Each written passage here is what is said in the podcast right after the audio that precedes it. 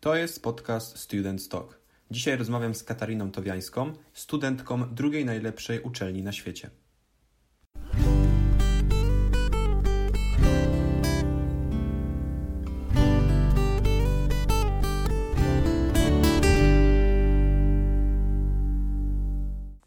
Jak tam u Ciebie, słuchaj?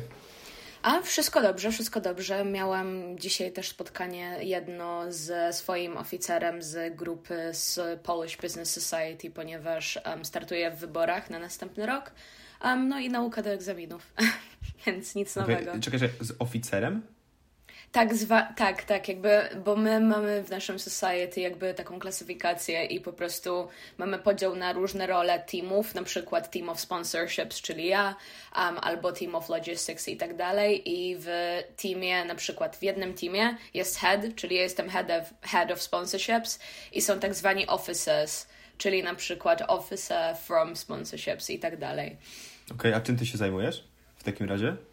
Um, no ja, ja akurat w tym roku byłam Head of Sponsorships, czyli odpowiadałam za wszystkie um, sponsorshipy, jak nazwa sugeruje, wszystkie partnerstwa ze sponsorami, um, z firmami po prostu, które finansowo i nie tylko nas wspierają, merytorycznie również um, przy organizowaniu Polish Economic Forum. E, czekaj, a powiedz mi, tak żeby jakoś to ułożyć, ta twoja grupa e, Polish Business Society to to jest grupa, która e, spaja studentów na Twojej uczelni, na RSI?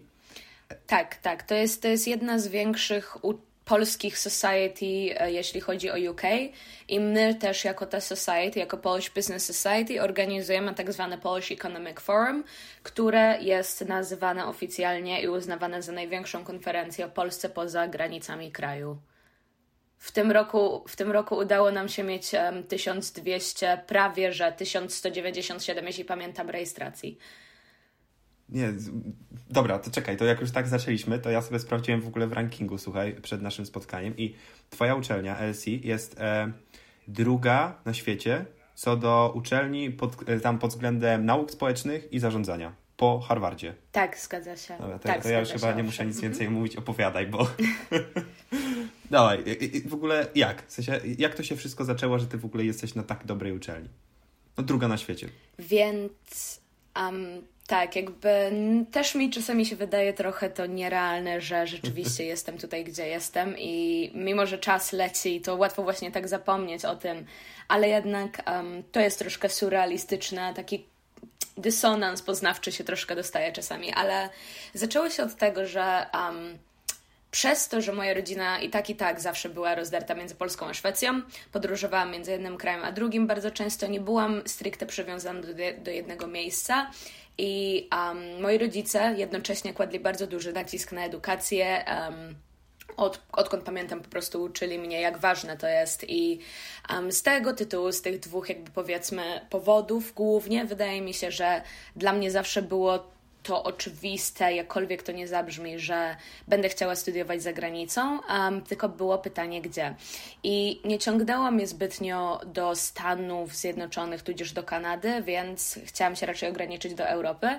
Um, no i pytanie było wtedy, gdzie są najlepsze uczelnie po krótkim researchu, krótszym, dłuższym, doszłam do wniosku, że to jest UK.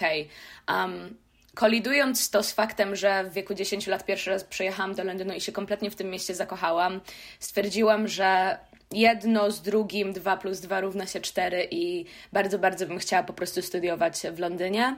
A dlaczego taka uczelnia? Ponieważ skoro jednak niezaprzeczalnie studia w Wielkiej Brytanii kosztują sporo, tylko że uczelnia słaba versus uczelnia droga kosztuje tyle samo. Dlaczego nie celować wtedy najwyżej? Okej, okay, czyli aha, czyli to jest tak, że i tak, i tak za każdą uczelnię w UK po prostu płacisz krocie. Nieważne. Tak. To, to, czekaj, bo. Przed, my... przed, przed, mhm, czekaj, przed. Brexitem. E, my o tym Jasne. rozmawialiśmy ostatnio, tydzień temu, jak się połączyliśmy, tak. to żeby tutaj też wszystkim powiedzieć, to no, ta droga, typu ta uczelnia, na której ty jesteś, to jest zamknięta dla wielu ludzi. Dla wielu ludzi jest po prostu zamknięta, mm. bo e, te kwoty, które ty płacisz, to myślę, że u nas to myślę są takie porównywalne do, do um, studiowania medycyny zaocznie. Myślę, że to są podobne kwoty. E... Tak, prywatna medycyna jest podobna, definitywnie, jeśli chodzi o same koszty uczelni. Um, ja płacę aktualnie i tyle płacą też UK Nationals 9250 funtów za rok. Za samą jakby edukację powiedzmy, nie mówiąc o kosztach życia i tak dalej, i tak dalej. Okej, okay, okej. Okay. To, to i tak to nie jest najdroższa. To i tak nie jest najdroższa uczelnia, bo na przykład na, na Oxfordzie płaci się, ostatnio mi mówiłaś, 20 tysięcy, nie, nie, nie okej, okay, to nie z Tobą o tym rozmawiałem, ale 20 tysięcy miesięcznie płaci się na przykład za, e, z tego co słyszałem. Też mam jedną taką też znajomą, która też tam poszła i mniej więcej to są te kwoty 20 tysięcy miesięcznie złotych. E, złotych na Oksfordzie. Je, kiedy ona poszła? Od którego roku? Bo jeśli to jest po Brexicie, to bardzo możliwe, ponieważ koszty po Brexicie średnio za uczelnię teraz płacimy um, osoby z Unii Europejskiej wcześniej płacili tak zwany national fee, czyli ten, który jest dla mieszkańców Wielkiej Brytanii. Teraz po Brexicie płacimy tak zwany international fees, które dotychczasowo przed Brexitem płacili Azjaci, e, nie wiem, Amerykanie itd., tak itd. Tak I ten fee jest średnio w wysokości 22,5 tysiąca funtów rocznie. No i podzielić przez 12 miesięcy mniej więcej wychodzi porównywalnie, dochodzą koszty życia, no i to, to rzeczywiście może być tak około 20 tysięcy złotych miesięcznie koszty. Z edukacją, z życiem, ze wszystkim. Czyli nawet jeśli e, ktoś by super napisał tą maturę międzynarodową, no to y, tylko i tak nieliczni mogą tam po prostu, po prostu się dostać. No razem z tobą... Można. Razem z tobą jest 100 ileś osób, 115 z Polski. 112, 112 u mnie na uczelni, owszem, z 12 tysięcy studentów, bo tyle, tyle studentów ma moja uczelnia, która notabene jest jedną z mniejszych uczelni w Londynie. Jedną z mniejszych? Tak, yeah. mhm, owszem, ponieważ my się specjalizujemy właśnie w tych um, economics, political, social sciences i no, z tego tytułu po prostu inne ścieżki jakby od, automatycznie są odcięte, ale Um, to jest tak, to jest rzeczywiście mało, ponieważ uczelnie typu King's, typu UCL mają kilkadziesiąt tysięcy, wydaje mi się, studentów spokojnie. Okej. Okay. A chcesz trochę powiedzieć o tych o pierwszych krokach, czyli po prostu o tych takiej papierkowej robocie? W jaki sposób y, ogarnęłaś to, że dostałaś się mm -hmm. na tę mhm. uczelnię? Jasne, nie ma problemu, więc um, step by step po zrobieniu researchu, wybraniu sobie uczelni w Wielkiej Brytanii, trzeba zaaplikować przez tak zwaną platformę UCAS, um, UCAS. Um, I przez tę platformę można wybrać pięć uczelni maksymalnie, na które się aplikuje, na które się składa papiery. Kosztuje to, hmm, teraz nie chcę kłamać, ale wydaje mi się, że typ 30 około funtów aplikacja, złożenie do pięciu wszystkich uczelni. Po prostu jednorazowo płaci się flat fee 30 funtów.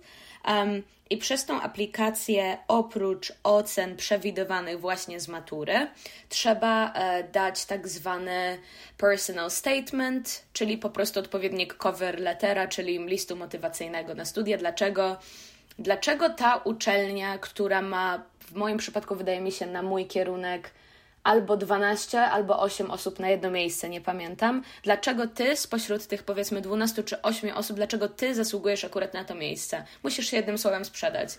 Um, I wydaje mi się. A, a, kto, a, kto pomógł, a kto pomógł ci napisać ten list motywacyjny?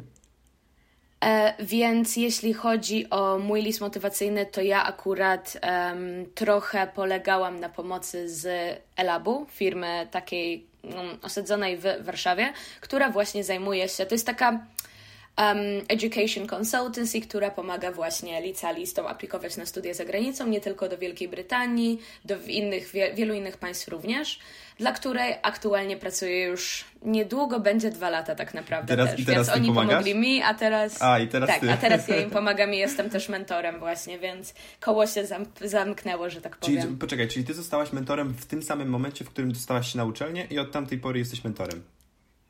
Nie. W momencie, kiedy dostałam się na uczelnię, zostałam um, powiedzmy takim marketing officer i pomagałam przy marketingu, przy nagrywaniu live'ów, rozmów właśnie o studiach, jak wygląda proces rekrutacyjny, życie w Londynie itd., tak itd. Tak I dopiero od drugiego roku zostałam również mentorem, ponieważ jednak oni wymagają, żeby student był minimum jeden rok na uczelni, żeby zdobył to doświadczenie, żeby wiedział o co chodzi, aby móc później po prostu jak najwydajniej, najlepiej oddawać to, czego się nauczył przez ten rok. Okej, okay, okej, okay, okej. Okay. No dobra, no i miałaś ten list motywacyjny, wysłałaś, zaargumentowałaś, że to ty masz być tą z tych 12 osób. No i co dalej? I co dalej?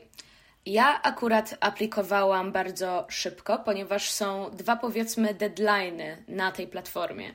Jeden to jest wrzesień, ponieważ wtedy zamykają się aplikacje na Oxford i na Cambridge.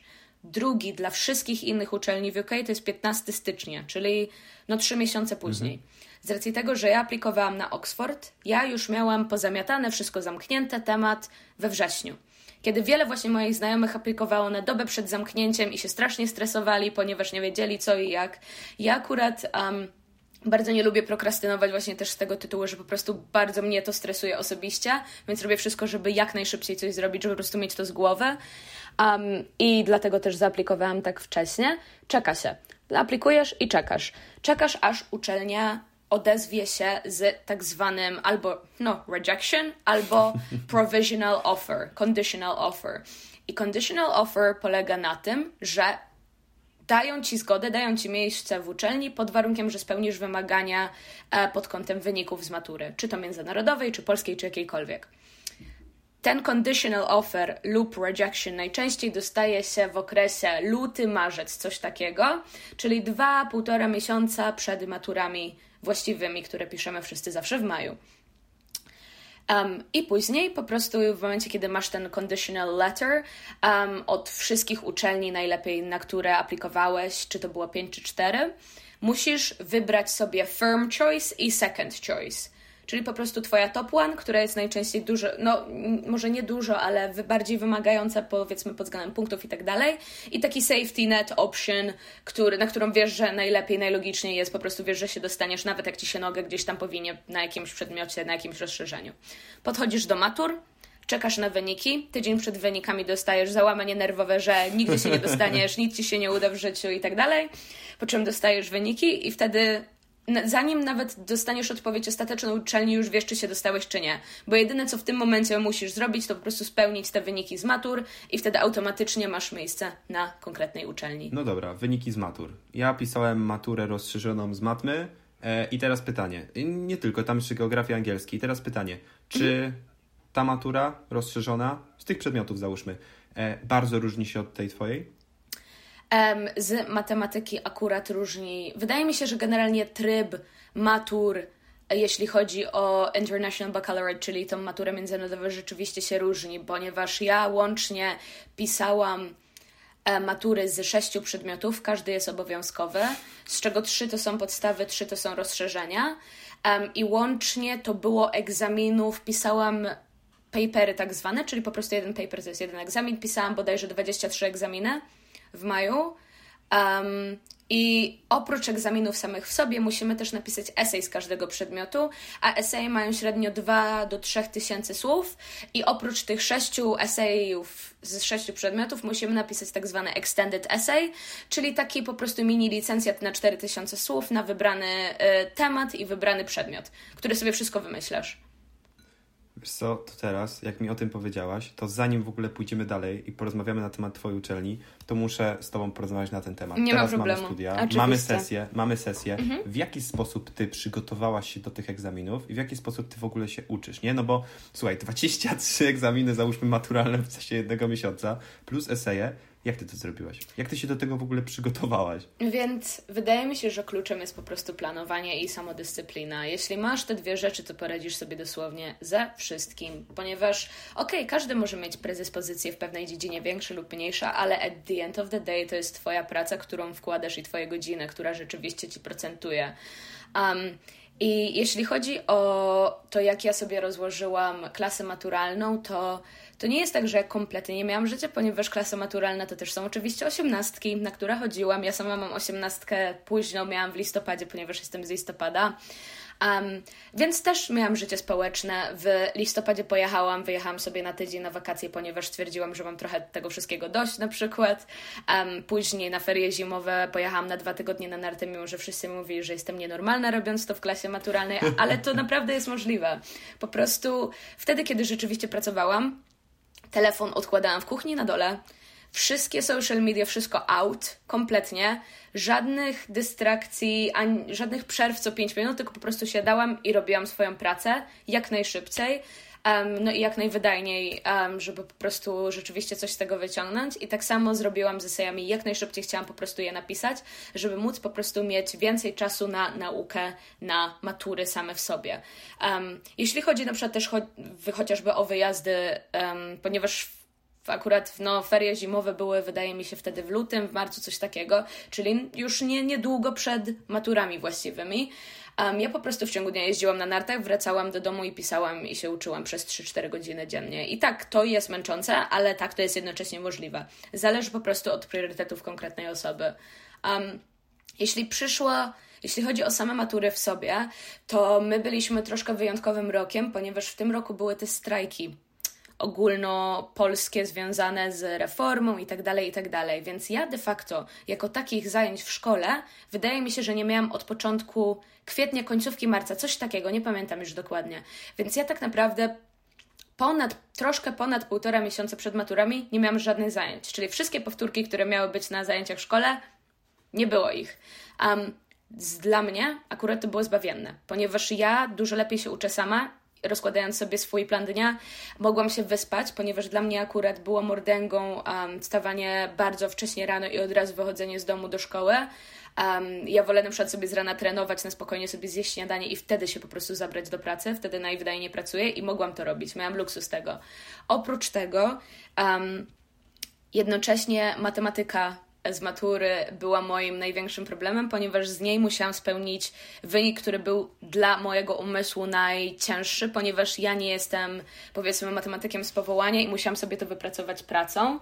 Um, I też nasza nauczycielka ze szkoły była o tyle kochana i o tyle zaangażowana po prostu w naszą pracę, że zgodziła się prowadzić z nami zajęcia, mimo że nie, nie dostawała nawet za to pieniędzy z racji tego, że strajki. E, swój prywatny czas po prostu poświęcała nam, łącznie z sobotami, co jest naprawdę niesamowite i, i jestem bardzo, bardzo wiel wiele zawdzięczam tej kobiecie, między innymi miejsce na, na, na uczelni, ponieważ gdyby nie to, to nie wiem, czy bym się dostała, czy nie. Um, więc oprócz takich przygotowań samych sobie, miałam łącznie też w klasie maturalnej średnio 13 godzin zegarowych matematyki, e, ponieważ wiedziałam, że ja po prostu tyle potrzebuję, bo inaczej się nie dostanę, a no chciałam dać wszystko z siebie, żeby się dostać na LSI. Um, Przygotowanie same w sobie to po prostu robienie notatek ze slajdów, z PowerPointów, czytanie książek i robienie tak zwanych past papers, czyli po prostu przeszłych matur, jak najwięcej, ponieważ im więcej, tym lepiej. Trening czyni mistrza.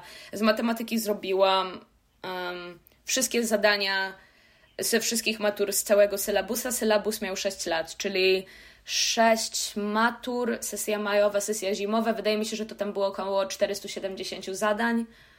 Um, tylko, że jedno zadanie ma tak średnio dwie strony, a cztery, trzy, coś takiego. No to tro, okay. trochę, trochę weszło w to pracę.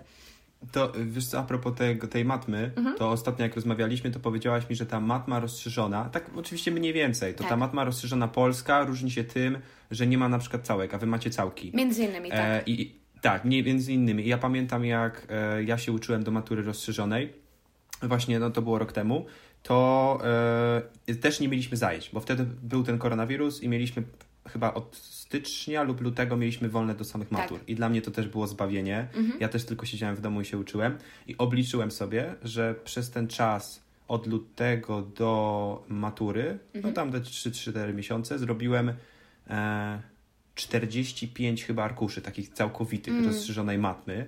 E, I pamiętam, jak poszedłem na zajęcia, na zajęcia już na tą taką oficjalną maturę. Tak.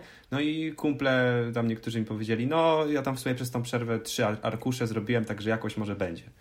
No i o czym, my, o czym my rozmawiamy? A potem wiesz, niektórzy mówią, że kurde, nie dostałem się albo coś, coś. No dobra, no nie dostałeś się, no bo zrobiłeś tyle, mm -hmm. a mhm. ktoś zrobił tyle. No i oczywiście to, to jakoś te wyniki maturalne to są wprost proporcjonalne do wysiłku, jaki włoży się w naukę. To, to nie ma innego równania tak, po prostu. Tak, zgadzam się, ponieważ wadą po, takich testów, matur, egzaminów i tak dalej jest to, że one są mimo wszystko bardzo binarne i one nie mierzą Twojego intelektu, Twojej ogólnoświatowej wiedzy, um, ogłady, czegokolwiek innego. One mierzą po prostu Twoją zdolność poświęcania czasu i roboty um, odtwórczej um, i po prostu pisania tych arkuszy i tyle.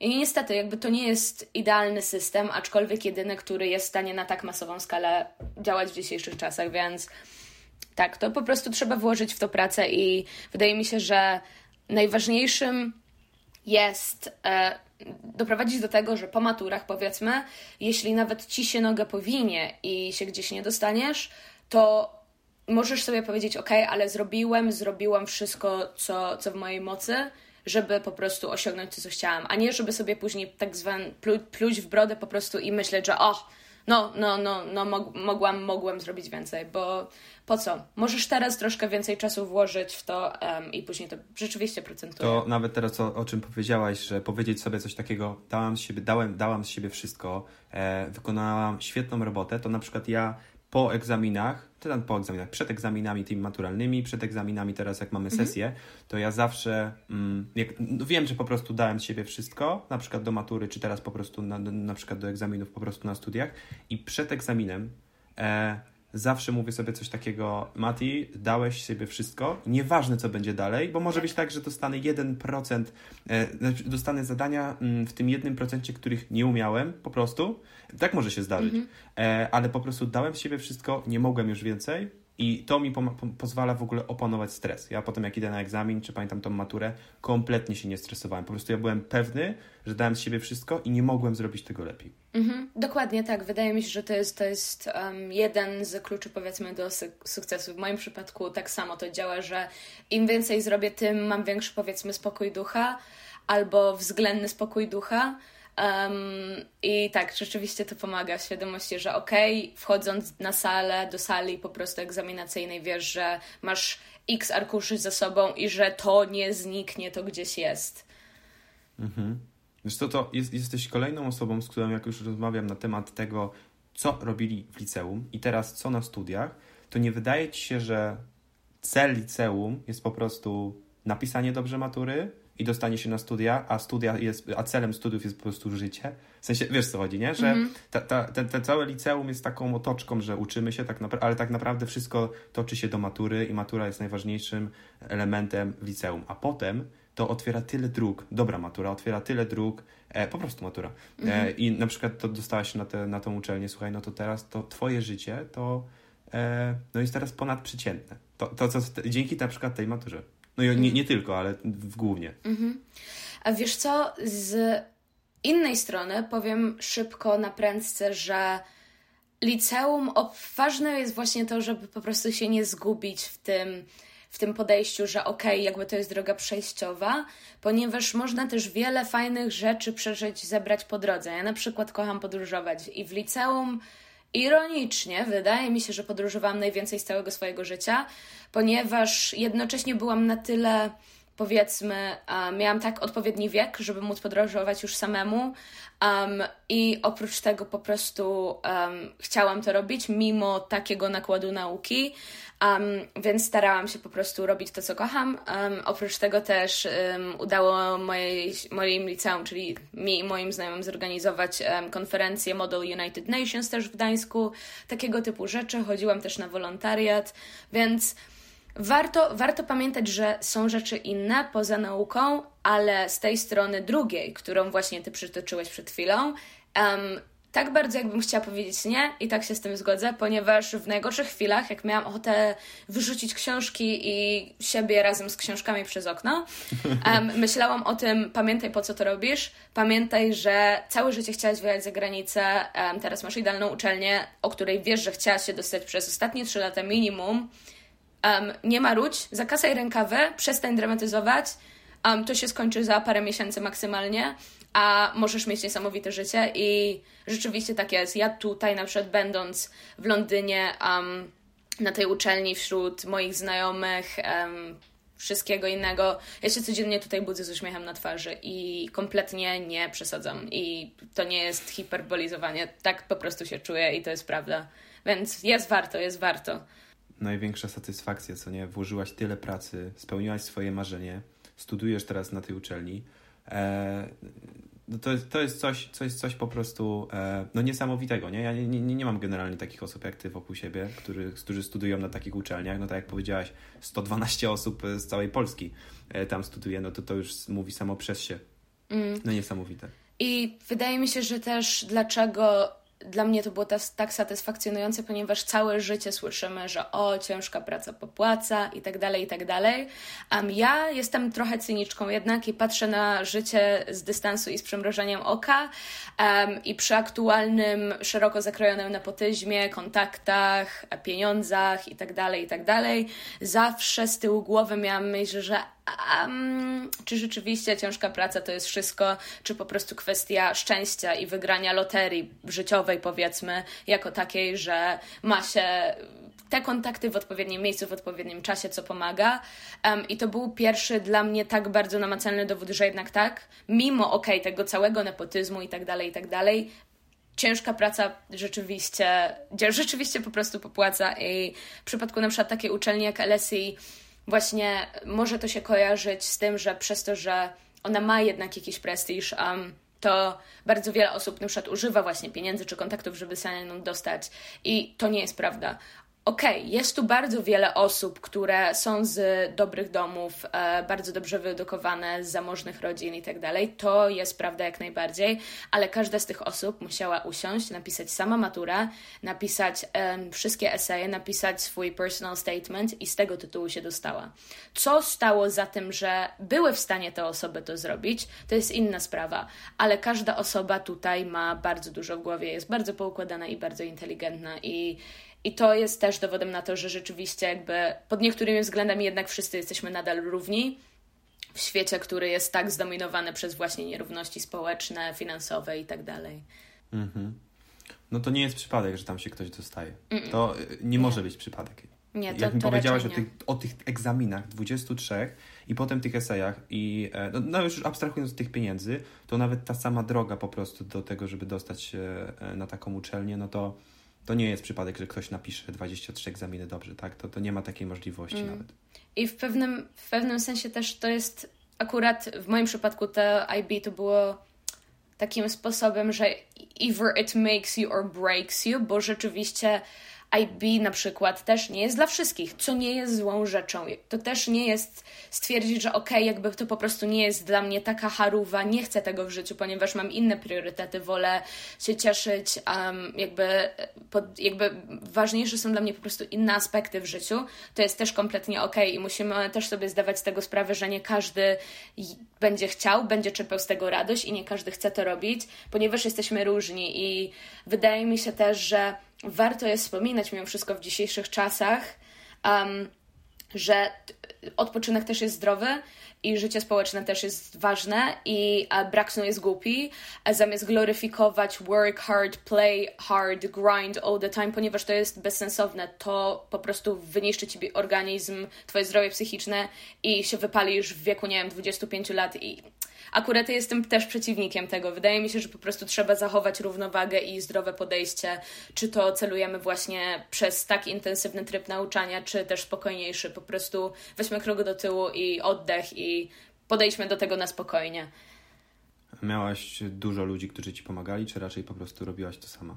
Ty um, miałaś tą e, twoją nauczycielkę od matematyki, która mm -hmm. naprawdę ci pomogła. Bo tak powiedziałaś teraz, nie? O tym, o tych, że to, że to nie jest to wszystko, no to wnioskuję, że nie byłaś sama. Że naprawdę tam byli ludzie, nie. którzy stali za tym. Ja akurat nie byłam sama, ponieważ oprócz oczywiście moich przyjaciół e, najbliższych, którzy byli wspaniali, zawsze chcieli mnie wysłuchać, jak sobie marudziłam, nie marudziłam, to tak, to miałam kilka osób, miałam bardzo duże szczęście pod względem nauczycieli, których dostałam właśnie w liceum. Oprócz um, pani z matematyki miałam też nauczycielkę z angielskiego, która była um, bardziej dla mnie jako taki... Um, też drugi wychowawca, powiedzmy, miałam z nią wspaniały kontakt i um, z nie, wiele, czasu, wiele razy z nią rozmawiałam prywatnie, kompletnie z, odnośnie tematów niezwiązanych ze szkołą. Um, I tak, ona rzeczywiście też była dla mnie bardzo, bardzo, bardzo dużym wsparciem i motywacją, żeby, żeby brnąć dalej, mimo że czasami każdemu się odechciewa at some point, jak ma się powiedzmy łącznie tam, nie wiem, razy drzwi 15 tysięcy słów do napisania w ciągu roku i tyle matur i oprócz tego rzeczywiście no 40 godzin zajęć w szkole, z czego nie każde zajęcia miały sens i nie każde zajęcia były wydajne. Lepiej według mnie byłoby spokojnie zostać w domu, bym dużo szybciej to zrobiła, ale no musiałeś tam być, ponieważ ponieważ też e, inny wymóg IB to musisz mieć minimum 80% obecności na wszystkich zajęciach, żeby dostać e, dyplom, certyfikat na koniec. A w, Pols- w polskiej szkole to jest chyba, no to jest niżej, to jest dużo niższe, ponieważ Tak, w polskiej tak, też jest wymóg, pewno. prawda? Obecności, tylko że to Tak. jest... Ojej, wiesz co, w, w, ja e, nie jestem pewien jak to jest na pewno. Na pewno jest coś takiego, że jest po 50%, ale są szkoły, które e, też muszą, gdzie tam obecność też musi być na jakimś tam wyższym poziomie. Ale tak, no 80% to raczej nie. To nie, nie, nie, nie, to na pewno. Mm, Yeah. Dobra, słuchaj, e, jesteś, jesteś na tej uczelni. owszem. Londyn, e, gdzie mieszkasz? Bo tego cię, ostatnio cię o to nie pytałem. Mhm. Mieszkasz sama? To po prostu jestem wiesz, ciekaw, jak to u ciebie wygląda to życie poza, poza studiami, tak? No bo. Mhm. uczelnia uczelnią, ale jednak zo- zostawiłaś całą rodzinę. Um, wiesz co, tak i nie. Zostawiłam całą rodzinę. Zostawiłam de facto rodziców i babcię i swoje dwa kotki w Polsce. Um, poza tą najbliższą rodziną, cała rodzina, z którą mam kontakt jest w Sztokholmie. I tak. Więc um, i tak, i tak ograni- jakby jestem od nich odsunięta przez tam kilkaset albo parę tysięcy kilometrów, to już nie gra roli. Um, jednocześnie jestem cały czas w kontakcie właśnie ze swoimi kuzynkami, które są dla mnie jak siostry, ponieważ niestety jestem jedynaczką, więc one są najbliższym odpowiednikiem tego. Um, I oprócz tego, tak naprawdę dwie moje najbliższe przyjaciółki też się dostały do Londynu i jedna studiuje na Imperial, a druga studiuje na UCL-u, więc widzę je Yeah. na co dzień. I um, tak, to, to, jest, to jest bardzo, bardzo, bardzo fajne, ponieważ Ale, jadąc... poczekaj, ale czy one były razem z tobą w liceum w Gdańsku? Jedna była ze mną i w gimnazjum, i w liceum, więc znamy się niedługo już 8 lat, a druga była w liceum, poznałam ją w liceum, więc znamy się już 4, 4, Jezu, 5 lat. Boże, jak ten czas leci, no. Więc, Czyli, więc... tak na, czyli cały czas razem tak naprawdę szłyście. Ja, ale Tak, jakie jest prawdopodobieństwo? Jakie jest prawdopodobieństwo, co nie? Że z jednej szkoły e, do Londynu, wow, nie, fajnie. I też tak, też jeszcze inny mój dobry przyjaciel, którego poznałam na kursie językowym hiszpańskiego w 2016 roku, dostał się z kolei jeszcze na jedną uczelnię w Londynie na Kingsa. Więc ja jadąc do Londynu już miałam swoich bardzo bliskich przyjaciół w Londynie, um, co rzeczywiście mnie uspokajało. Um, I kuzynkę też mam tutaj w Londynie, więc ja nie jechałam kompletnie sama, nie jechałam jakby um, do jednego wielkiego niewiadomego, nie wiedząc co się wydarzy. Okej, może nie wiedziałam co się wydarzy, ale miałam świadomość, że są osoby, które znam, w razie czego, gdyby się paliło, to mam się do kogo odezwać. Plus, um, nie wiem, miałam takie podejście, że zawsze mogę polegać na sobie i ufam sobie i cokolwiek by się nie stało, mam siebie. Um, I wydaje mi się, że to też było bardzo, bardzo ważnym aspektem, dlaczego relatywnie spokojnie przeszłam ten pierwszy, pierwszy, pierwszą przeprowadzkę po prostu do innego kraju samodzielną. Mhm, mhm. Okej, i dobrze ci w ogóle mieszka w Londynie? Widzisz dużą różnicę? Londyn, Bardzo. Gdańsk, jak to... No kurde, jaka, jak, Um. jakie pytanie, Londyn czy Gdańsk? No wiadomo, że jest różnica, ale jak byś w ogóle miała to, wiesz, zmierzyć?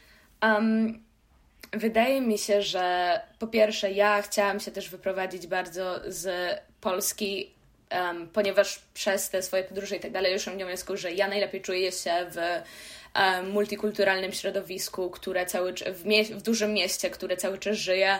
Akurat na, powiedzmy, Gdańsk sam w sobie nie jest może jakimś ogromnym miastem, ale jednak w mojej głowie ja postrzegam um, tą aglomerację bardziej jako Trójmiasto, a Trójmiasto całe w sobie ma nieco ponad milion osób, więc to nie jest aż takie małe miejsce, powiedzmy. Jednak ja chciałam mieszkać w ogromnym mieście, um, które nigdy nie śpi, um, gdzie jest poczucie anonimowości też na ulicy jeszcze większe.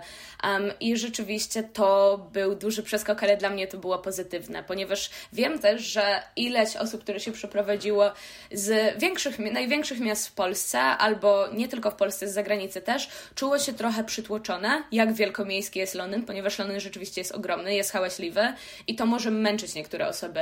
Ja akurat w takim środowisku się czuję lepiej i ja czuję, że żyję, więc um, dla mnie to było coś bardzo przyjemnego i wreszcie w, pierwszy raz w życiu miałam wrażenie, że wreszcie oddycham pełną piersią, że mam tylu, tyle tlenu, ile potrzebuję, nie wiem, i mogę być kimkolwiek chcę.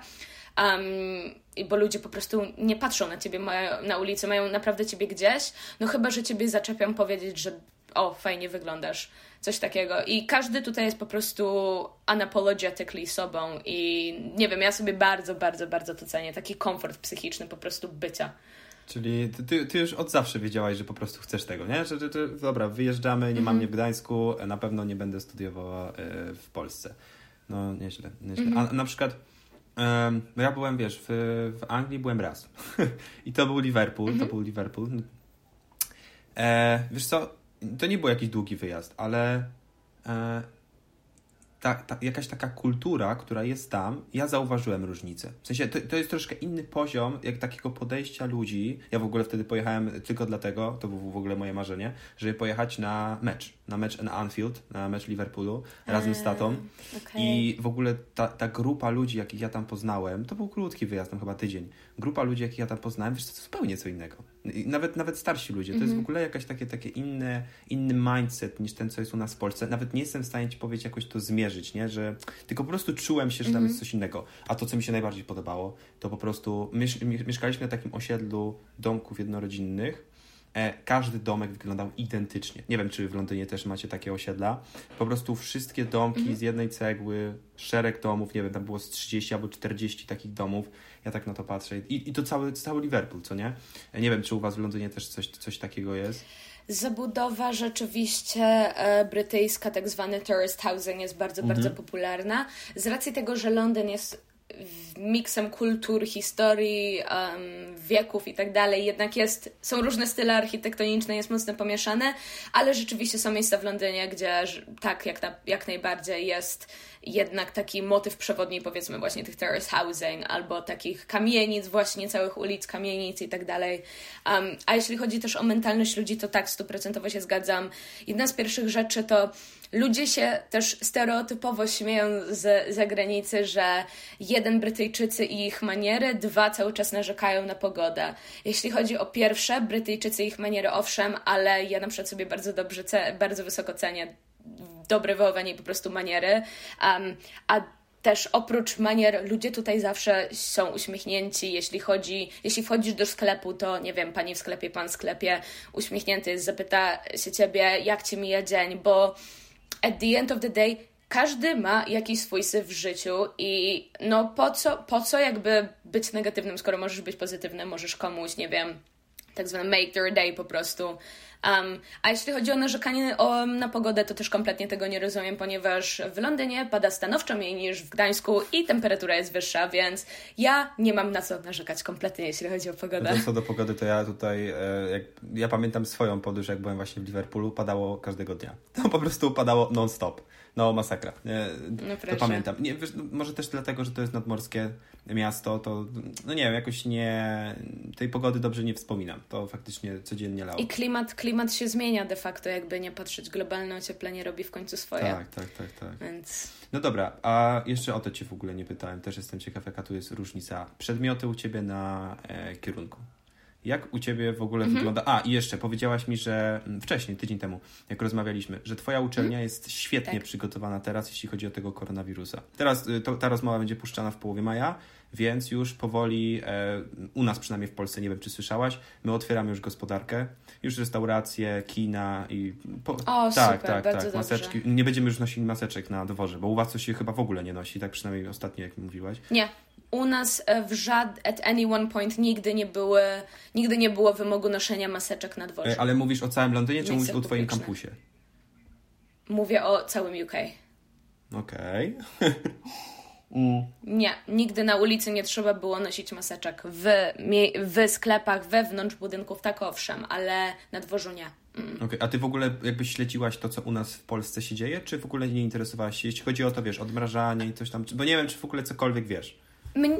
Mnie, tak, mniej więcej, mniej więcej śledziłam.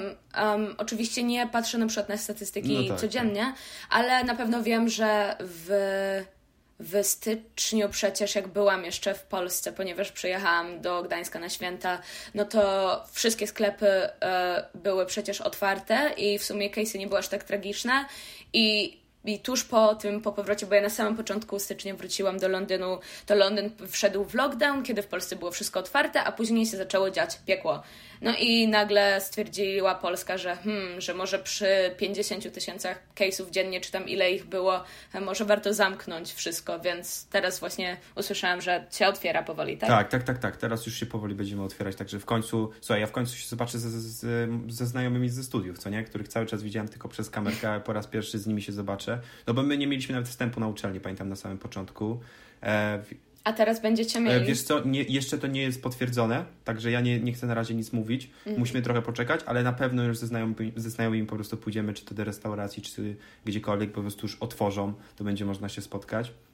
A tak naprawdę no, do, tej, okay. do tego czasu, oczywiście, no słuchaj, był wybór, mogłem się spotkać gdzieś tam na dworze, ale teraz mamy okres mhm. egzaminów mhm. i okres takiej nauki e, dość tak, sporej, tak, że tak. ja naprawdę chcę teraz chwilę jeszcze poczekać, przysiąść, a potem jak będzie trochę więcej czasu, to po prostu się z nimi spotkam.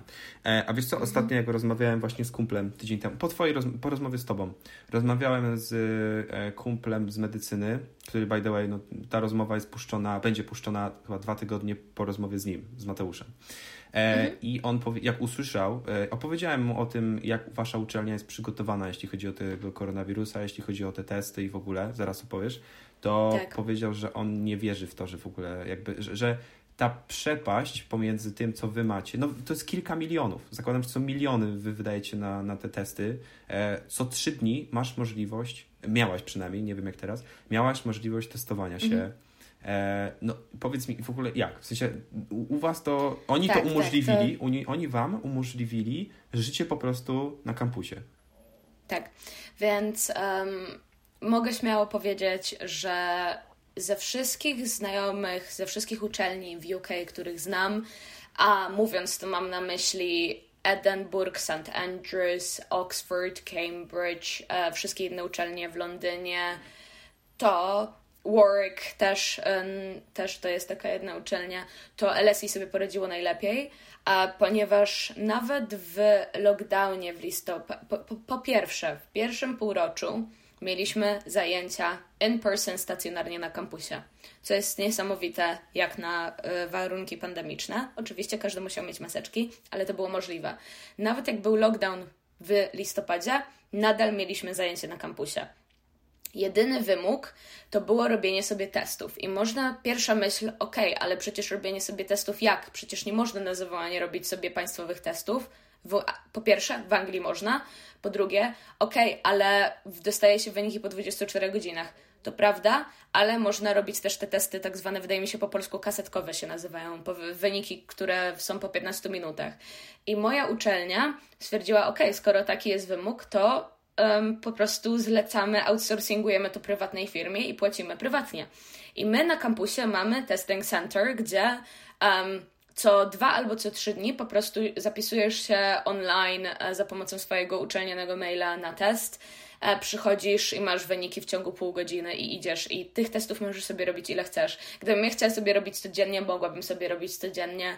Um, oprócz testów 15-minutowych, które przez chwilę były niewymagane, ale z racji tego, że liczba osób, które się testowały na kampusie strasznie spadła, to uczelnia po prostu narzuciła ten wymóg ponownie. Oprócz tych 15-minutowych mamy zwykłe PCR całodobowe. Mamy tak zwany test to release, czyli to jest kolejny governmental requirement. Jeśli wracasz do Anglii i musisz się izolować, po pięciu dniach możesz sobie zrobić test, który normalnie by kosztował 200 funtów, żebyś wyszedł z kwarantanny wcześniej. LSI też za to zapłaciło. Możesz sobie robić testy, jak chcesz wrócić do swojego państwa, bo też to praktycznie każde państwo wymaga. Też LSI za to y, pokrywa koszty. I każdy praktycznie możliwy test, jaki chcesz sobie wymyślić, y, to LSI za to płaci. I mogę śmiało powiedzieć, strzelam, ale mogę się założyć, że to kosztuje w skali miesiąca miliony funtów, ponieważ um, średnio testowany, robionych testów dziennie jest 1000-1100, ponieważ pytałam się osób pracujących w tym testing center. Um, wystarczy przemnożyć sobie koszty, to nie jest trudna matematyka. Um, ale dzięki temu tak, kampus cały czas był otwarty, biblioteka była cały czas otwarta, jednak w, w momencie, kiedy jest najgorszy lockdown, nie możesz nigdzie wychodzić, wszystkie knajpy, wszystko jest zamknięte, a w Anglii wszystko było bardzo, bardzo długi czas zamknięte. Dopiero od miesiąca. Mm, nie całego, dopiero w kwietniu tak naprawdę otworzyły się sklepy i restauracje z możliwością jedzenia i tylko i wyłącznie alfresco. Um, to, to taka namiastka życia normalnego, nie wiem, wpadasz na kogoś znajomego, którego ledwo co poznajesz spod maseczki na, w bibliotece na kampusie, to jest naprawdę coś bardzo komfort, jakby comforting. E, po prostu daje ci takie poczucie, o, okej, okay, jest nadzieja, może, może norm- mhm. tak, tak, bezpieczeństwo, może normalność wróci. Um, I oprócz tego, oprócz takiego poczucia normalności, też siedząc na kampusie, wiesz, że każdy wokół ciebie e, robił sobie test i ma test z wynikiem negatywnym e, najpóźniej 72 godziny do tyłu, więc sam, sam fakt, że wiesz, jakby okej, okay, nie ma wokół ciebie koronawirusa, tak naprawdę czujesz się bezpiecznie. Tak, to jest, no to jest coś naprawdę nieocen, nieocen, nieocenionego i um, tak, no ja akurat chylę czoło LSI i bardzo, bardzo, bardzo się cieszę, że wybrałam tą uczelnię e, przez przypadek z racji nawet na pandemię, ponieważ wiem ile uczelni nie ma w ogóle zajęć, nie ma mowy o tym, um, no i uczniowie, studenci, przepraszam, nie są, nie są rzeczywiście usatysfakcjonowani, kiedy my po prostu mamy nadal swoje życie. Ale na przykład jak dostawała, jak miałaś badania, e, załóżmy wychodził mhm. ci test negatywny, to czy dostawałaś jakąś karteczkę i na przykład teraz chodzę z tą karteczką cały dzień na kampusie i jak ktoś mnie zapyta, to jakby mam przepustkę, jestem bezpieczna. To jest wszystko zrobione drogą elektroniczną, więc jednocześnie jest eco-friendly i sustainable. Um, możemy się kłócić, jak bardzo nieekologiczne jest wysłanie jednego maila e, na skrzynkę elektroniczną, ale nie wchodząc w detale, Um, nie, po prostu zapisujemy się za przez system LSI i mamy po prostu tak zwany LSI ID, numer identyfikujący, tak jak podejrzewam każda uczelnia ma i um, podajemy numer, nasz identyfikator po prostu. Na teście on jest, identyfikator oczywiście jest podpięty do naszego um, maila też z uczelni i dostajemy po 15 minutach wyniki na maila, drogą mailową, więc to się mhm. nigdzie nie zgubi, to nie jest żadna karteluszka, która gdzieś tam się o zapodzieje, nie ma, nie ma nic takiego i po prostu na wejściu do każdego budynku mamy w jednym ręku telefon z mailem, w drugim um, LSID, czy po prostu naszą kartę, identyfikator. Wchodzimy, pokazujemy dzień dobry, dobrze, proszę dalej i, i tyle tyle. Więc to jest bardzo, bardzo proste, szybkie i wygodne. Wiesz co, to teraz jak, na, jak zaczęliśmy ten temat, to powiem Ci, że e, słyszałem, że teraz w, są takie miasta w Europie, które powoli zaczynają iść w, ta, w, coś takiego, że osoby, które będą miały wyniki badań negatywne, dostają właśnie czy to takie ID, czy cokolwiek, albo osoby, które są zaszczepione, tylko takie osoby będą miały wstęp na przykład do, e, do centrum. E, mhm. Już to, na przykład w Niemczech na pewno to o tym słyszałem, bo moja, moja siostra tam tam mieszka.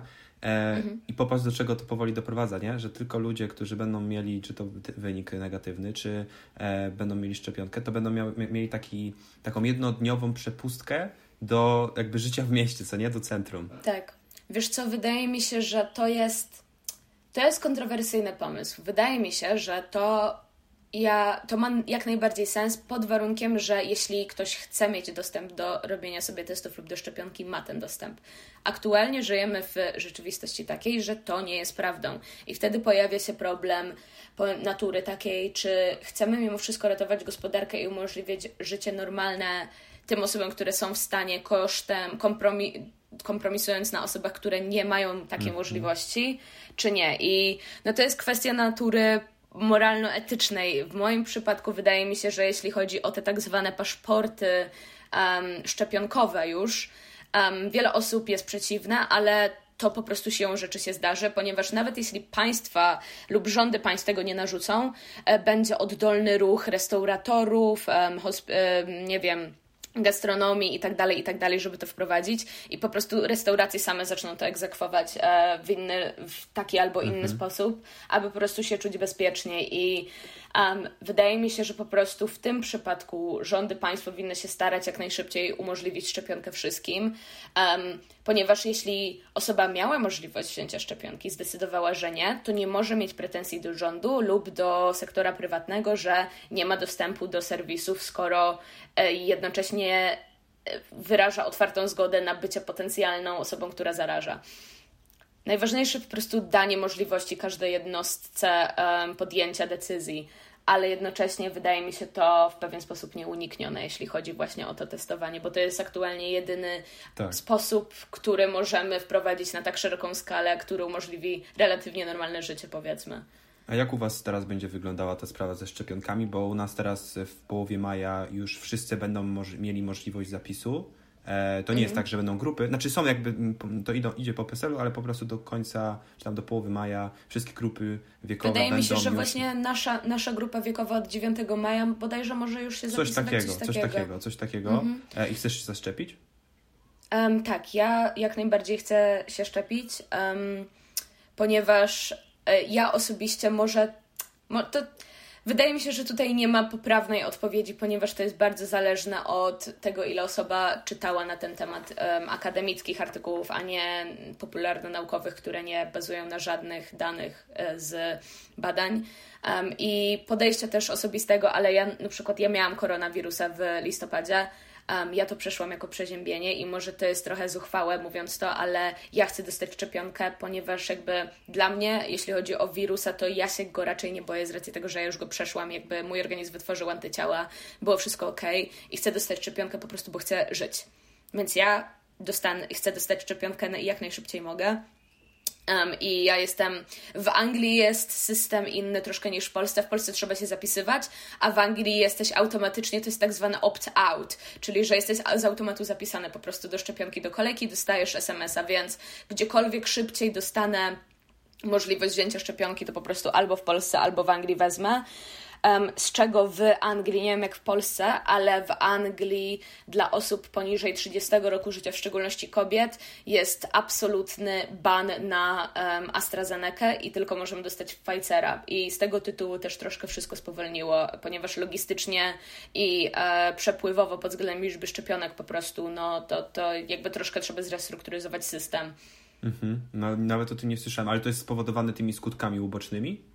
Tak, jednocześnie skutki uboczne są em, też ciekawą rzeczą, ponieważ rzeczywiście, okej, są przypadki i jest jakieś bardzo małe ryzyko, żeby to się wydarzyło, ale em, akurat em, tata mojej współlokatorki, z którą mieszkam, jest biochemikiem i pracuje też na uniwersytecie, jednym z uniwersytetów tutaj w Anglii i on jakby spytał się po prostu swoich znajomych, którzy mają styczność z e, badaniem tych szczepionek i tak dalej.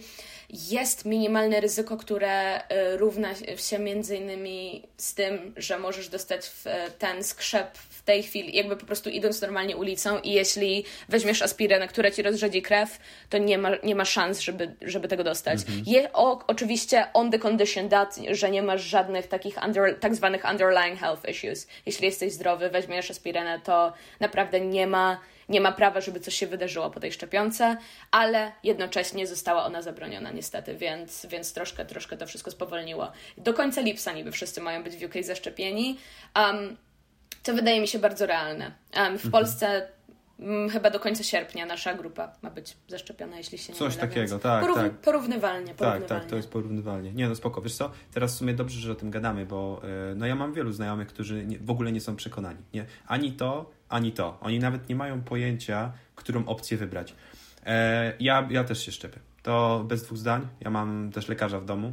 To po prostu Mhm. mam jakby z samego środka informacje, jak to wygląda, jakie są, jakie mogą być te skutki, nie tylko jakby z gazet i nie wiem, z wiadomości, tylko po prostu ze środka mam, e, mam Wydaje mi się, kontakt. że też jeden z głównych lęków to, że ludzie słyszą e, kod RNA i panikują, o Boże, o Boże, to mi zmieni twoje geny. Nie, to nie zmieni ci twojego DNA, tak. ponieważ to nie jest możliwe, to tak nie działa i po prostu wydaje mi się bardzo, bardzo ważne, żeby jeśli twój rząd nie tłumaczy społeczeństwie, jak to działa, prostym językiem, bo to jest spokojnie możliwe, to to jest Twój obowiązek, żeby chociażby spróbować poczytać na ten temat i to zrozumieć, ponieważ to nie jest żadna czarna magia, to nie jest szczepienie szczipów, to jest szczepionka. Szczepionka, tak, nie działa, to działa na innych zasadach. Poza tym każdy z nas był szczepiony na wiele chorób i przepraszam bardzo, to w takim razie mamy już 10 chipów w naszym organizmie, 10 razy nasz genom został zmieniony, no, no nie, nie został.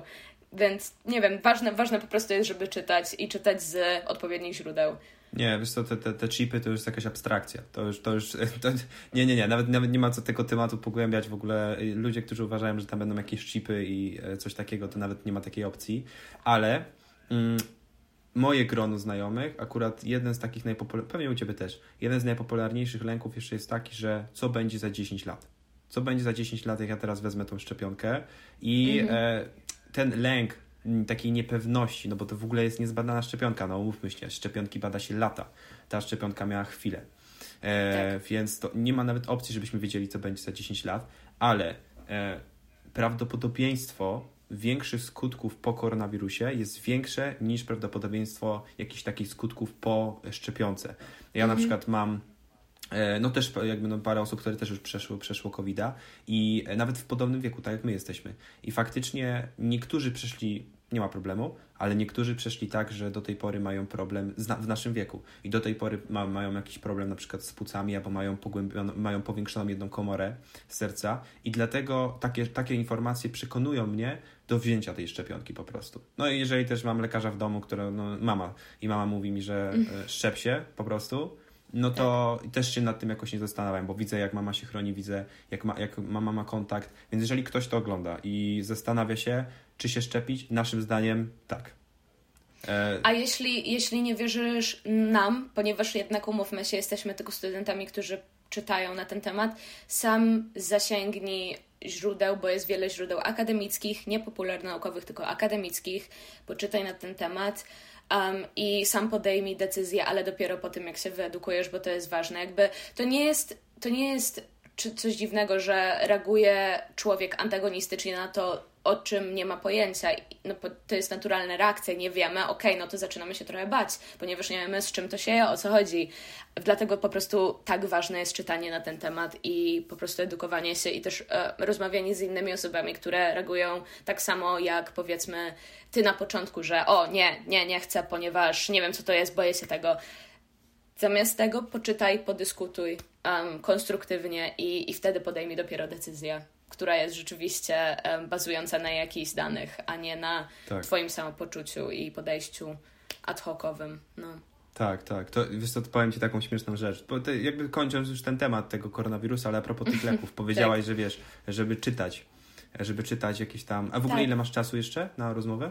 Mam, mam, spokojnie. Jeszcze spoko. Patrzę tylko mniej więcej ile się na ile Tak, tak, nagrywa, ja też ale nie spokojnie. sprawdzam. Mam, mam dużo czasu, mam dużo czasu. Dobra, dobra. E, właśnie też mama mi opowiadała, że jeżeli wchodzą, no ja no, kompletnie nie, nie interesowałem się tym, że jeżeli wchodzi jakieś lekarstwo nowe, typu szczepionka, mm, na Mhm. przykład ten Pfizer, to jak wchodzi lekarstwo na rynek, to przed wejściem, jak są badania, no to jest pewna grupa ludzi, którzy to testują. I Tak, ta oczywiście. grupa, i ta grupa ma za zadanie, e, ma taki obowiązek, że po wzięciu leku mają, e, mają badać, jakby mają kontrolować to, co jest w nich i to, jak oni się czują, to, co jest wokół Tak, tak, nich i tak. mają robić notatki ze wszystkiego. I słuchaj, doprowadza to do tego, i i to na- nawet jest czasami na ulotkach le- lekarstw, że to doprowadza do tego, że ludzie na przykład piszą, że niedaleko nas uderzył piorun po wzięciu lekarstwa. I autentycznie takie informacje są w notatkach, bo coś wydarzyło się obok nich i oni muszą to zanotować. Czyli biorą szczepionkę i że na przykład y, oni za tydzień idą i usłyszeli, że obok uderzył piorun i oni muszą to jakby zgłosić do tej, do tej organizacji, gdzie, z której jakby wzięli te lekarstwa, co nie? Jak, jakby to, to jest w ogóle jakaś abstrakcja. No ale śmiesznie, no tak badają po prostu lekarstwo, no nie ma innej możliwości. Ja nie, Tak. jestem, nie studiuję medycyny, nie wiem więcej, wiem tylko to, co inni mi mówią i gdzieś tam właśnie czytam, e, czytam o tym. Dobra, okej, no to słuchaj, ten temat koronawirusa myślę mamy, mamy przegadany. E, no jestem ciekaw, do czego to w ogóle doprowadzi. Wiesz, jak już wszyscy będą zaszczepieni, jak już się otworzymy, wszystko się otworzy. No nie wiem, no niby te restauracje mają się otworzyć do, tego, do tych 50% do końca maja. Nie wiem, Mhm. czy, czy to tak wyjdzie, wiesz, bo my Mm. u nas w Polsce jest cały czas tak, że się otwieramy, jest przez chwilę ok, potem nagle jest więcej zachorowań i się zamykamy. I tak w kółko. I tak po prostu od paru Tak. miesięcy. I e, no ja pracuję na siłowni, to jako recepcjonista i faktycznie widzę to, że wiesz, że, że to jest takie otwieranie, zamykanie i szefostwo też po Tak. prostu nie wytrzymuje. Dla wszystkich to jest po prostu ciężkie. To jest bardzo Ale- obciążające tak, psychicznie, tak. finansowo i pod każdym względem. Tak, rzeczywiście. No. ale powoli to już zmierza do końca, także super, super, super. No dobra, słuchaj, to jeszcze kończąc temat e, uczelni, e, o, co, o co ja wcześniej pytałem? E, O, przedmioty. przedmioty chciałeś przedmioty, się spytać, przedmioty, tak. przedmioty. Jak to u Ciebie wygląda właśnie z tymi przedmiotami? Więc em, zacznę może od tego, że wybierając kierunek, ja nigdy nie byłam osobą bardzo sprecyzowaną, która od zawsze wiedziała, o, będę prawnikiem, o, będę studiować to, o, tamto. Ja byłam bardziej taka miałam podejście holistyczne, powiedzmy, um, lekko mówiąc, um, więc chciałam kierunek, który umożliwi mi um, dostęp do szerokiego wachlarza, powiedzmy, różnych rzeczy. Z racji tego wybrałam właśnie e, zarządzanie, które jest tak właśnie też bardzo często przedmiotem żartów z racji na nazwę i z racji e, tego, że nazwa tego kierunku sugeruje, że to jest takie rozmyte, jedno wielkie nie wiadomo co. Um, w moim przypadku na mojej uczelni to tak nie wygląda. Żeby dostać się na mój kierunek, właśnie musiałam mieć e, praktycznie pra, prawie że najwyższą ocenę z matematyki rozszerzonej z matury. Um, I na pierwszym roku miałam przedmioty typu finanse, ekonomia, um, matematyka, miałam jeszcze um, accounting, czyli rachunkowość, czyli to nie są przedmioty takie bliżej nieokreślone, to są rzeczywiście konkretne dziedziny. Na pierwszym roku mamy wszystkie przedmioty narzucone, z racji tego, że pierwszy rok dla managementu na LSI ma na celu bardziej takie wyrównanie po prostu poziomu, ponieważ mamy osoby z całego świata i matematyka rozszerzona polska nie ma całek, IB ma całki, francuska nie ma połowy rzeczy. Um, tak, matma, matma we Francji e, jest słynna u mnie na uczelni z tego, że po prostu Francuzi na pierwszym roku muszą bardzo ciężko pracować, żeby nadrobić to, bo nie mają um, wielu po prostu jakby elementów. Na drugim roku mamy Czekaj, trochę... A, a pytanie mhm, ci zadam, jeśli chodzi o na przykład o tą matmę, to czy ty widzisz, bo ja kiedyś też o tym czytałem i słyszałem, czy ty tak. widzisz różnicę pomiędzy poziomem takim edukacyjnym, licealnym w Polsce, a w innych krajach Europy? Czy u nas faktycznie jest wysoki ten poziom na przykład matematyki w porównaniu do innych krajów? Tak, Polska jednak um, mimo te podejścia stereotypowego i tak dalej jest relatywnie wysoko, jeśli chodzi o, o to, co jest wymagane od uczniów o jakość nauczania, oj, mogłabym bardzo no długo na ten temat bajka. rozmawiać.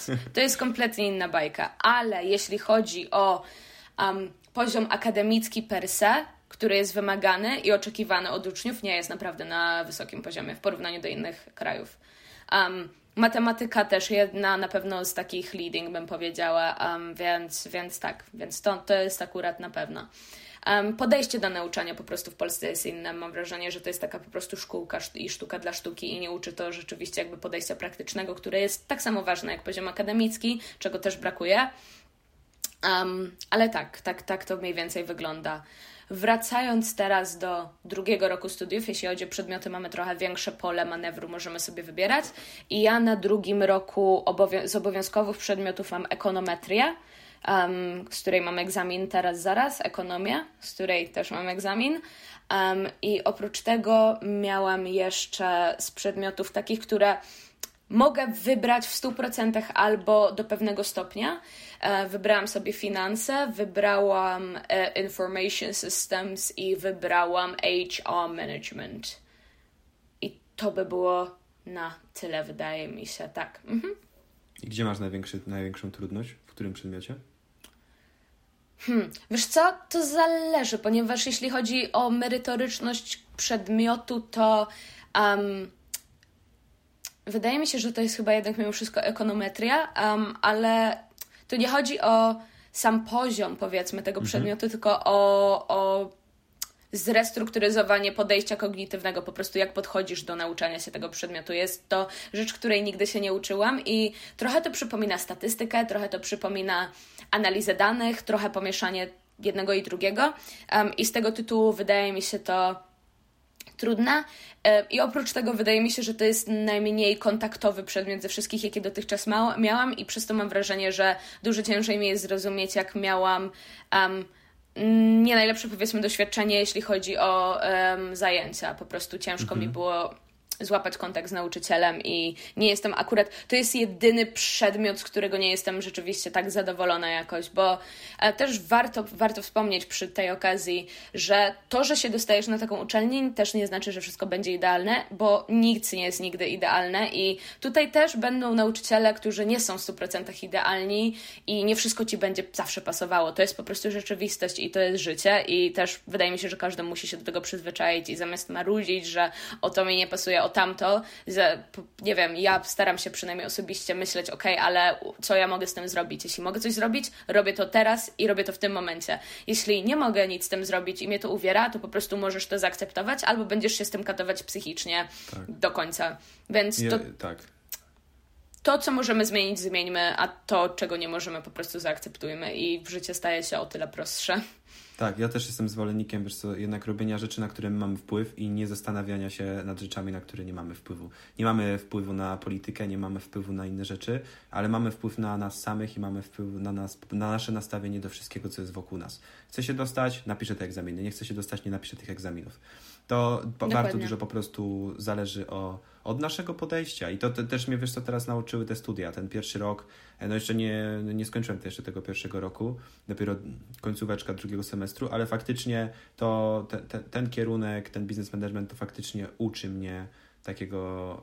E, zmiany mojego nastawienia po prostu do wielu aspektów i skupiania się na rzeczach, które jestem w stanie zmienić. Jak nie jestem w stanie, akceptuję to, nie zastanawiam się nad tym, po prostu idę dalej i daję z siebie wszystko, żeby być po prostu, tak wcześniej powiedzieliśmy, dumnym z siebie. Ale powiem Ci, że jak słucham ty, o tych Twoich przedmiotach, to w sumie u nas mamy te same. Tak, u nas na, na tym biznesie mamy to samo, plus mamy jeszcze taki przedmiot rozumienie biznesu. Taki mhm. mamy jeszcze. Zrozumienie, rozumienie biznesu. E, to jest taki główny przedmiot na, na, na, na naszym kierunku, ale resztę mhm. mamy to samo co wy. Pewnie inny poziom, pewnie inna tematyka, na pewno, ale mamy e, te same przedmioty. Mm, wiesz co, to, to zarządzanie, jak powiedziałaś, myślę, że parę osób e, jest z zarządzania, albo parę osób chce iść może kiedyś na zarządzanie.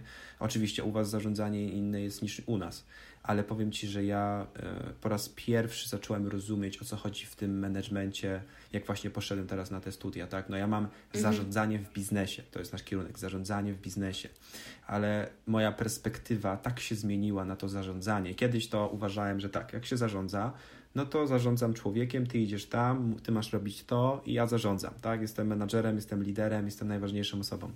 A teraz te studia pokazują mi, że to jest kompletnie co innego, że zarządzanie to Owszem. nie ma żadnego wpływu, nie, nie ma żadnego znaczenia na tym, czy, jakby to, czy ja mówię komuś, że ty masz robić to czy to, to jest manipulowanie, to nie jest żadne zarządzanie.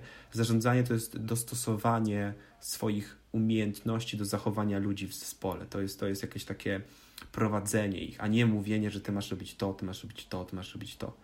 To, to, to jeśli chodzi o to zarządzanie, pewnie Tematykę mamy pewnie podobną, inni wykładowcy, inni studenci, inny poziom, ale myślę, że podobnych rzeczy dotykamy, więc to jest mhm. świetna, świetna, świetna sprawa. I też, też wydaje mi się, że jeden aspekt, który jest często pomijany, jeśli chodzi o zarządzanie, to okej, okay, może to nie jest the most obvious thing, ale też to jest bardzo, bardzo praktyczne. Po prostu uczy cię to wielu rzeczy, które są bardzo przydatne w życiu codziennym. Nie wiem, rachunkowość na przykład, analizowanie dokumentów, papierów, kontraktów, innego typu rzeczy. Nawet jak nie będziesz miał własnej firmy, zawsze ci się to przyda.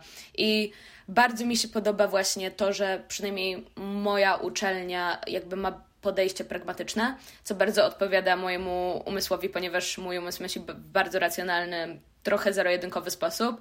Um, I to pokazuje po prostu, ok, masz takiego typu zagadnienie albo takiego typu zagadnienie, jak to się odwołuje do rzeczywistości. I to jest najważniejsza rzecz, ponieważ będąc jeszcze w szkole, jednym z moich najwię- jedną z moich największych frustracji było to, że ja za każdym razem się pytałam nauczycieli, ok, ale jakie to ma zastosowanie w życiu, albo po co to jest. I połowę, połowę mniej więcej czasu dostawałam odpowiedź, nie wiem, albo no bo to jest w systemie, albo to jest po prostu w sylabusie i wtedy mnie krew zalewa, ponieważ mu, ja, nie, ja po prostu nie jestem w stanie zrozumieć czegoś, um, skoro nie widzę w tym sensu, nie widzę po co to się komuś przyda.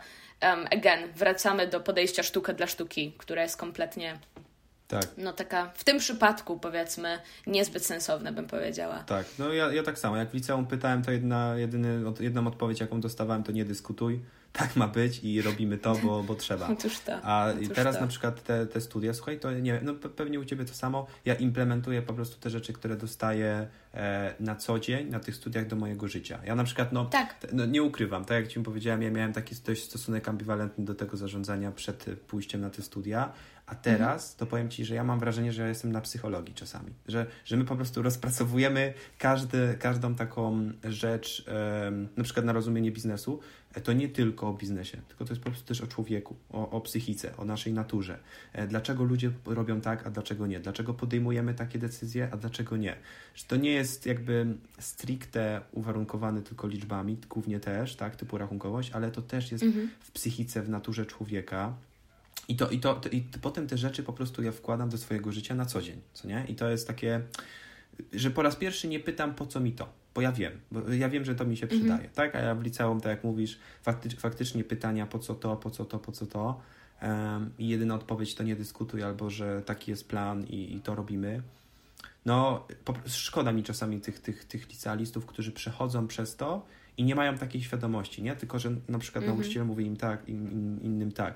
Jak byłem w trzeciej liceum, to na przykład e, byli u mnie znajomi w klasie, którzy rezygnowali ze swoich, mogę powiedzieć, nawet celów, marzeń, typu pójście na takie mm -hmm. studia, bo nauczyciel im powiedział, że ta matma nie jest na przykład dla was. I oni, wiesz, słuchamy nauczyciela, mm -hmm. koniec, on mówi prawdę, no bo zawsze mówił prawdę. A, i, I nie nawet nie mieli takiego czegoś, a dlaczego? A może dam radę? A może dam radę?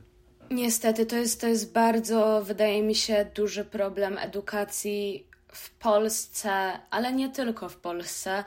Um, I sposób, w jaki warunkujesz po prostu podejście uczniów do życia, ponieważ no to jest przykre bardzo, że jakaś osoba by sobie spokojnie dała z czymś radę, kompletnie by zdała dobrze te egzaminy, cokolwiek i by się dostała gdzie chce i by zmieniła swoje życie, osiągnęła swoje cele, gdyby nie to, że są zniechęcani na co dzień.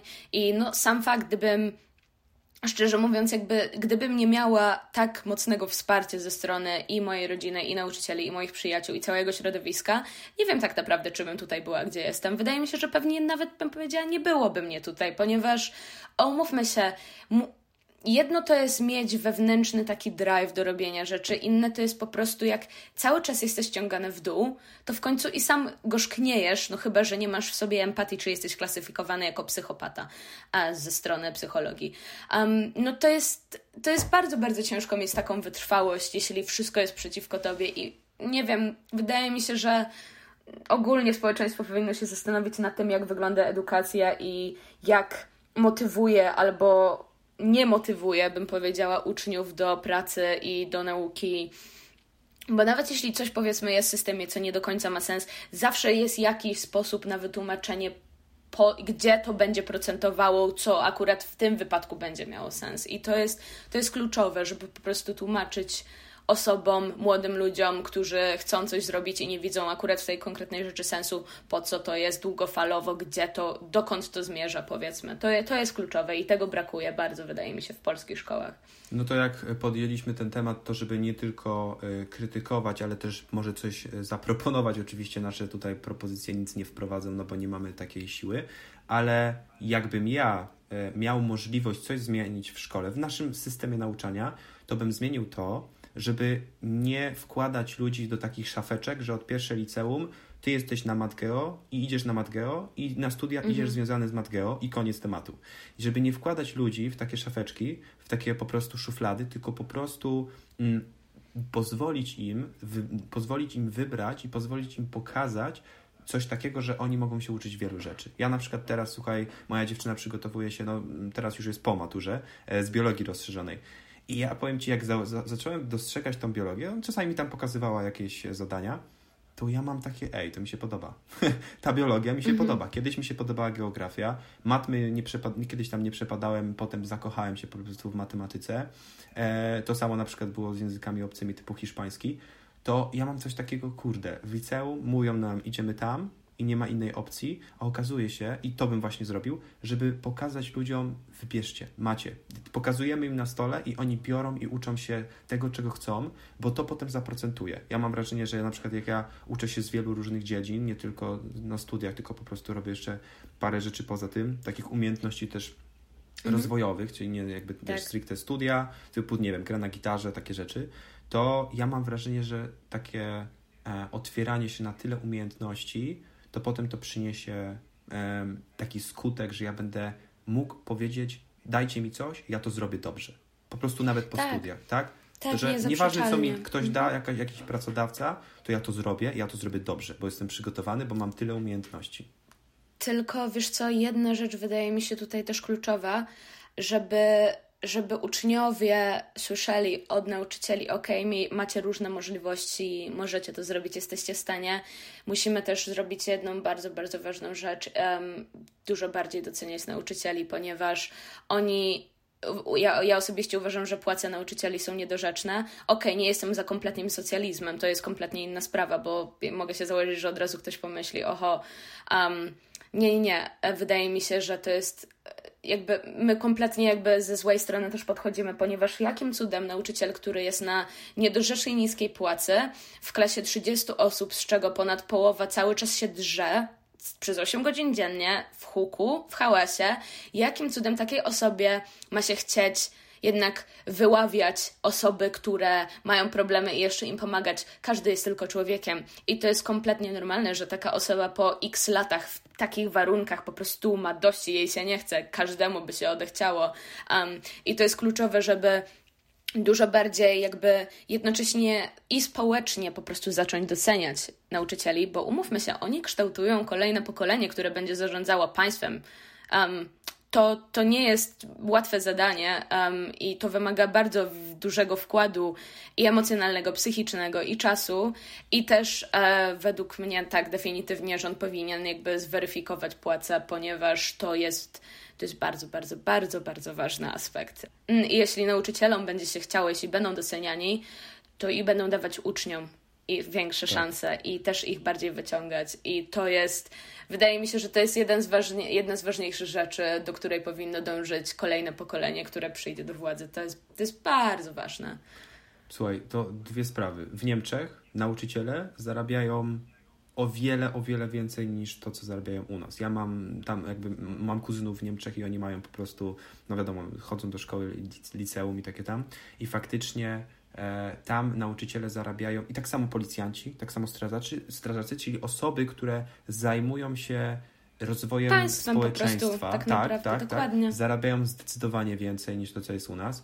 Kolejna sprawa. E, największym problemem moim zdaniem tutaj, to co powiedziałaś a propos tego, że no, nauczycielom się po prostu nie chce, dlatego że są zmęczeni, zauważ, że po prostu uczniowie, jak rodzice puszczają uczniów swoich, swoje dzieci do szkoły, potem te dzieci chodzą tam i są tymi uczniami, to oni jakby mają coś takiego, tam po prostu jest duży stereotyp, tam po prostu mają jakieś przeświadczenia na temat tej szkoły, nauczyciele mają przeświadczenia o uczniach i, I to tak idzie. I po prostu to płynie do, w stronę przyszłości, tylko nic się Dokładnie. nie zmienia, bo oni myślą o tych, ci myślą o tych i nic się kompletnie nie zmienia. Mhm. Co nie takie po prostu stereotypy, że nie wiem, nauczyciele to są tacy, a uczniowie to są tacy, ci krzyczą, ja ich nie powstrzymam i, i tak będzie po prostu szło te trzy lata w liceum i może zdadzą, może nie. E, krzyczenie potem jeszcze na przykład na, na tych e, uczniów, że oni to, a nauczyciele są zwalniani, dlatego że jakiś uczeń powiedział, że nie jest zadowolony. W ogóle katastrofa, to jest, mhm. to jest Nie tędy droga, nie tędy droga po prostu, tak, wydaje tak, mi tak, się. Tak, tak. Yeah. Dobra, słuchaj, e, będziemy myślę powoli kończyć, bo w sumie Jasne. poruszyliśmy, mam wrażenie, wszystkie tematy, ale nawet nie miałem planu na tę rozmowę, po prostu, po prostu szło i zobaczymy, co się wydarzy. I płynęło sobie, tak, dokładnie tak. Tak, tak, tak. E, a na koniec, słuchaj, co byś powiedziała osobom, które myślą, mhm. które mają marzenie dostać się na taką uczelnię jak ty? Próbujcie. To jest definitywnie warte waszej pracy. Um, I tak bardzo jak na przykład finanse mogą się wydawać przeszkodą, nie są. Są różne stypendia. To jest rzeczywiście możliwe i uczelnia chce mieć te osoby, chce, chce ciebie i są inne organizacje też pozarządowe, prywatne, które chętnie pomogą. Warto próbować, bo to rzeczywiście diametralnie zmienia życie i jeśli wydaje ci się, że chcesz spróbować, nie masz dosłownie nic do stracenia. Najwyżej stwierdzisz, ok, nie wyszło, przynajmniej spróbowałem, spróbowałam. Więc warto próbować. I nie, nie, nie bójcie się, nie dajcie nie dajcie sobie powiedzieć, że o, nie będę nawet próbować, bo po co. Nie, zawsze, zawsze warto próbować. To bym powiedziała. Na samym początku tej rozmowy powiedziałem, że ta droga jest dla wielu zamknięta. Cofam to, zmieniam to. Ta droga jest zamknięta dla tych, którzy uważają, że jest zamknięta. E, mhm. Ale dla tych, którzy uważają, że są jakieś możliwości, typu nawet, że nie, nie ma w rodzinie tyle pieniędzy, to jest, tak jak mówisz, jest na to szansa. To jest możliwe. Jest to, to jest możliwe. To jest na pewno możliwe. Wystarczy po prostu, jedyne czego, czego potrzeba to jest po prostu twój, twoja wewnętrzna chęć i praca. I to wystarczy. W dużych tak. ilościach, ale to wystarczy.